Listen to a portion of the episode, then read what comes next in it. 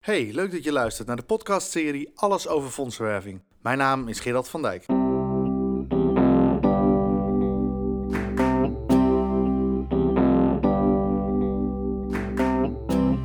Je luistert naar een podcast van Krantio Fondsenwerving. Leuk dat je luistert naar een nieuwe aflevering van de podcastserie Alles over fondsenwerving.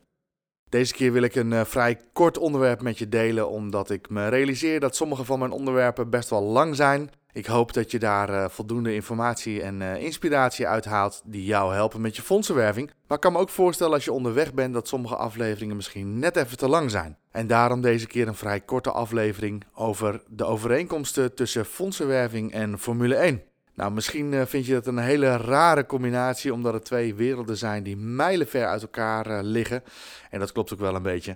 Maar ik zie er ook een aantal overeenkomsten. En als liefhebber van uh, Formule 1 en als fondsenwerver wil ik die toch graag met je delen. Het zijn vijf overeenkomsten die ik met je wil delen en ik hoop dat die jou helpen bij je fondsenwerving.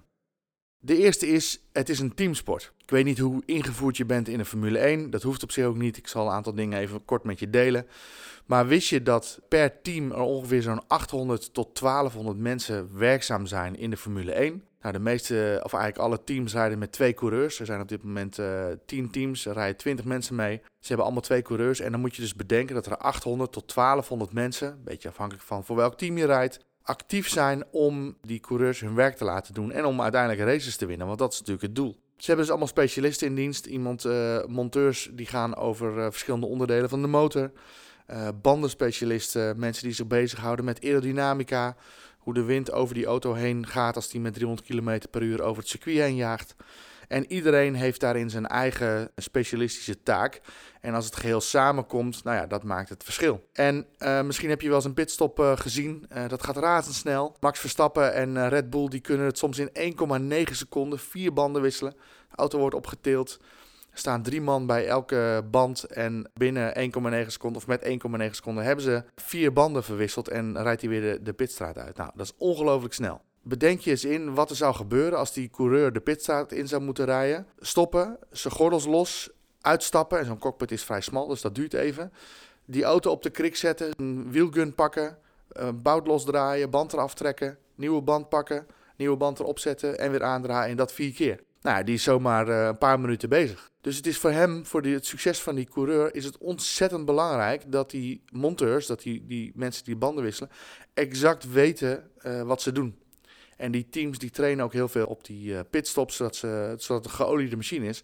En anders kan je het ook niet in 1,9 seconden. En soms, uh, wanneer een ander team uh, bijvoorbeeld 3 seconden of 3,5 seconden, dan denk je misschien, ja, waar gaat het over? Maar het kan net het verschil zijn tussen winst of, verlies. Zo is het natuurlijk ook bij onze organisaties. We hebben mensen die zich bezighouden met projecten. We hebben mensen die zich bezighouden met communicatie. We hebben mensen die zich bezighouden met de boekhouding, met het registreren en monitoren van onze financiën. We hebben mensen die zich bezighouden met onze reputatie en imago. Mensen die een boegbeeld zijn naar buiten. We hebben vrijwilligers, we hebben ambassadeurs. Nou, we hebben zoveel uh, rollen en taken die samenkomen en die uiteindelijk dus ervoor zorgen dat je als fondsenwerver ook kunt functioneren. Want als je zelf uh, je informatie op moet gaan halen uit de projecten. Nou, als je in Nederland uh, werkzaam bent, dan zou dat misschien nog kunnen. Maar stel je voor dat jouw projecten in Azië zijn of Zuid-Amerika. En je zou er zelf naartoe moeten reizen om eerst de informatie op te halen. En tegen de tijd dat je thuis bent, is die informatie alweer verouderd. Dus ook fondsenwerving is teamsport. Je hebt elkaar nodig om uiteindelijk als fondsenwerver aan tafel te kunnen zitten. Of een goede aanvraag te kunnen schrijven of een goede campagne te kunnen bedenken met de juiste informatie die mensen beweegt om aangesloten te raken bij jouw goede doel. Wat altijd verder altijd heel mooi is om te zien in de Formule 1, als je zo'n pitbox ziet, uh, uh, hoeveel mensen daar werkzaam zijn.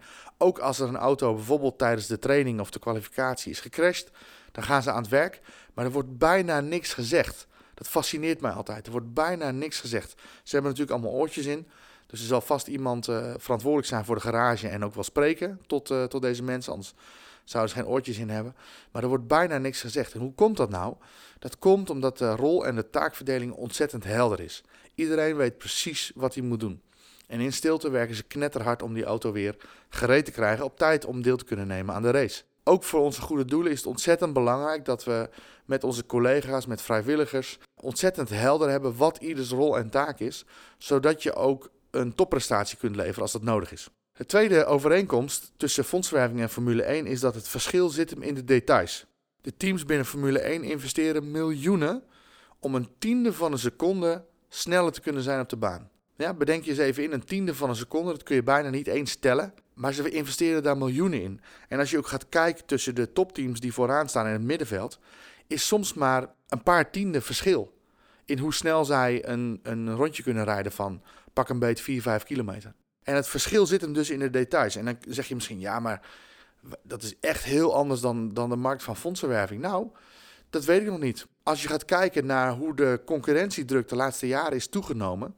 Er zijn nu ziekenhuizen die actief bezig zijn met fondsenwerving. Dat was een aantal jaar geleden nog niet zo. Kijk naar de culturele sector. Sinds de BTW-plicht is ingevoerd binnen de culturele sector, zijn zij ook veel actiever bezig met fondsenwerving. En de, de markt, het geefvolume is ongeveer even groot de laatste jaren. Ongeveer rond de 4,3 miljard euro. Dus dat betekent, als er meer toetreders zijn en het volume blijft hetzelfde, is dat de concurrentie toeneemt. En dat betekent ook voor jouw organisatie dat het verschil gaat zitten in de details. En natuurlijk ben je een betrouwbare organisatie en natuurlijk heb je mooie projecten en natuurlijk heb je vriendelijke mensen. Maar dat, heeft, dat hebben al die andere organisaties die fondswerven, hebben dat ook. En waar zit hem dan het verschil? Nou, het verschil zit in jouw fondsaanvraag. Je moet je voorstellen dat de grote landelijke fondsen, zoals het Oranje Fonds, het Kansfonds, het VSB-fonds, ga ze maar door, die krijgen honderden aanvragen per week binnen. Hoe ga jij het verschil maken? Hoe ga je zorgen dat jouw aanvraag er bovenuit springt? Door er zorg en aandacht aan te besteden, zowel inhoudelijk als qua vormgeving en informatie. Het verschil zit in jouw voorstel naar bedrijven toe. Bedrijven zijn winstgestuurd. Zij zijn bezig om geld te verdienen. En dat betekent tijd is geld. Dus als jij een afspraak hebt met een bedrijf, dan zorg je hoe dan ook dat je op tijd bent. Sterker nog, je zorgt dat je vijf of tien minuten van tevoren op locatie bent, zodat je even tijd hebt om je voor te bereiden, ook mentaal, op het gesprek wat je gaat voeren met degene die je gaat voeren. En misschien pik je nog wat informatie op in de hal van het bedrijf of via de receptioniste of iemand die voorbij loopt of een foldertje of wat dan ook, die je kunt gebruiken in je gesprek.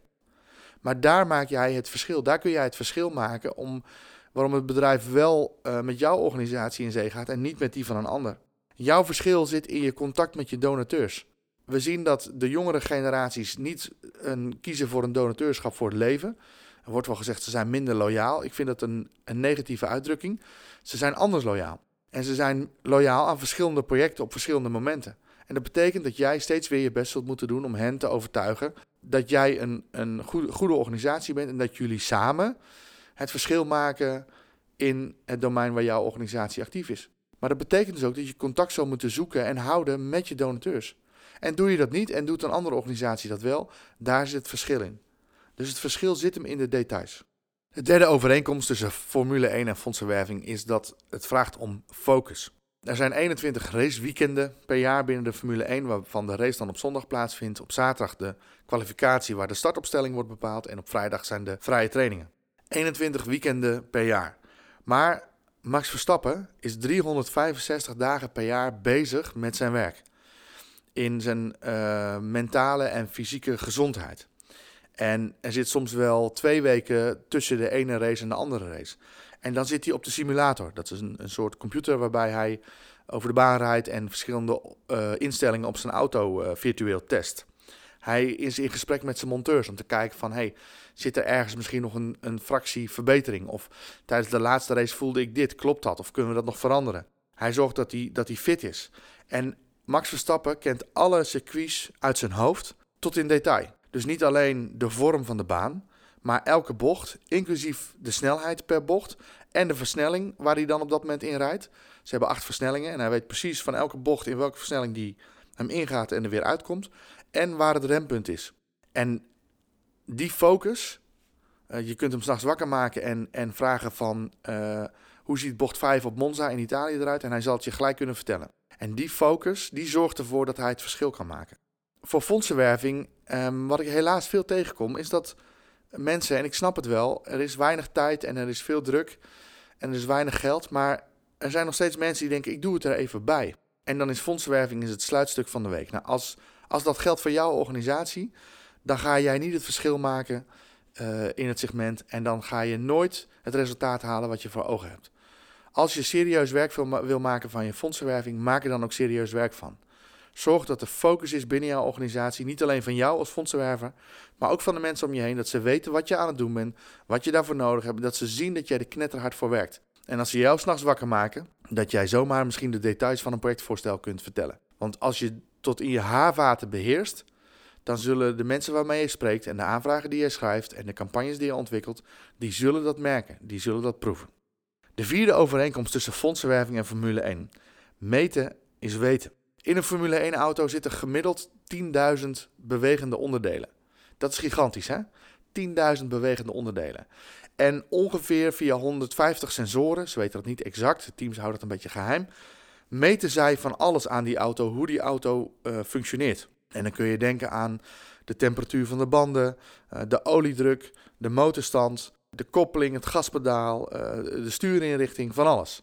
Tijdens de race zijn er ongeveer per team 20 mensen bezig om alles te meten en bij te houden. En te kijken van zit dat binnen de waarde of schiet dat door? Wordt de auto te warm of zijn de banden te koud en wat kunnen we daaraan doen? En al die informatie wordt via, de, via één man die praat in de oren van de coureur, wordt dat doorgegeven en er wordt gekeken van wat kunnen we daarmee? Meten is weten. Dus doordat zij weten uh, hoe een auto ervoor staat, kunnen zij beslissen om bijvoorbeeld eerder een pitstop te maken dan de concurrentie. Of misschien juist later, omdat de banden nog wel even door kunnen. En daar, wordt het, daar zit het verschil vaak tussen het winnen of verliezen van een race. Ook binnen de fondsenwerking voor goede doelen geldt dat natuurlijk. Hoeveel van je gesprekken zijn succesvol? Als ik die vraag stel aan een fondsenwerver, krijg ik vaak een onderbuikgevoel. Ja, ik denk of ik schat of ja, vast wel ongeveer. Maar meten is weten. Dus hou nou gewoon eens bij hoeveel gesprekken je voert en hoeveel van die gesprekken uiteindelijk ook uitmonden in een uh, donatie of in betrokkenheid. Wat is de gemiddelde gift binnen jouw organisatie? En dat kun je per segment doen. Dus je kunt kijken naar fondsen, naar uh, bedrijven en naar uh, particulieren. Maar zorg dat je dat weet. Want dan weet je ook als je gaat plannen en je wilt bijvoorbeeld groeien in je financiën, met hoeveel je zult moeten groeien om dat ook te realiseren. Hoeveel tijd zit er bij een particulier tussen de eerste en de tweede gift? Ontzettend waardevolle informatie als je dat weet en niet inschatten, maar feitelijk weten. Wat is de respons per campagne? Lijkt een open deur, maar heel veel organisaties weten het niet. En wat is de gemiddelde conversie op je telemarketing? Allemaal indicatoren, allemaal sensoren die, die meten hoe succesvol je bent in je fondsenwerving. En doordat je dat meet, kun je bijsturen. Kun je extra de energie in stoppen of je kan juist wat gas terugnemen omdat je weet dat het gemiddeld wel ongeveer zo zal lopen. Kun je besluiten om middelen anders in te zetten. Uh, als je het niet meet, dan weet je dus ook niet en dan loop je het risico dat je niet effectief bent in je fondsenwerving. En tot slot, de vijfde, want het zou een korte podcast worden en ik merk dat het stiekem toch alweer wat langer gaat duren. Succes en verlies deel je samen. Het mooiste is natuurlijk altijd aan het eind van een race, als je gewonnen hebt, dat de drie uh, winnende coureurs daar boven op zijn podium staan met een fles champagne. En uh, die worden gehuldigd met een bokaal en spuiten met zo'n fles champagne. Dat is natuurlijk fantastisch. En de successen vier samen. Ook met de mensen die de projectvoorstellen hebben geschreven. Ook met degene die de boekhouding doet. Ook met degene die de vrijwilligers aanstuurt. Ook met degene die het magazijn loopt. En zo kan ik wel even doorgaan. Maar ook de verliezen. En de verliezen zijn we geneigd vaak om in onze schulp te kruipen. Om ons misschien wel als een gewond dier terug te trekken onder de struikjes.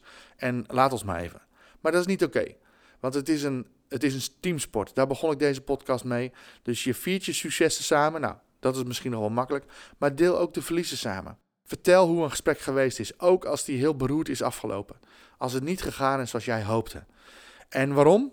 Eén, omdat je mensen kunnen zeggen: hé joh, kop op, de volgende die pakken we weer. Of iemand kan met je meedenken en zeggen: hé, hey, maar oh, hoe komt het dan? Wat voor persoon was het? Of hadden we de juiste spullen bij ons?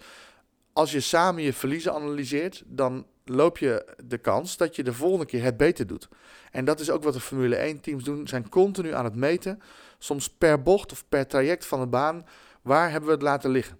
En inzicht in je fouten of uh, dingen die verkeerd zijn gegaan, misschien geheel onbewust, die helpen jou om je de volgende keer te verbeteren.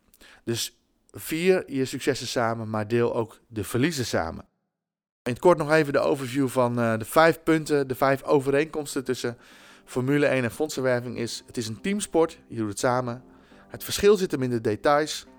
Het vraagt om focus. Meten is weten. En de laatste die ik net zei: succes en verlies deel je samen. Ik hoop dat deze podcast jou ook inspireert om uh, bezig te zijn met je fondsenwerving. Ik wens je heel veel plezier en succes met je fondsenwerving. Want als jij er plezier in hebt, dan zullen de mensen om je heen dat merken. Bedankt voor het luisteren en graag tot de volgende keer.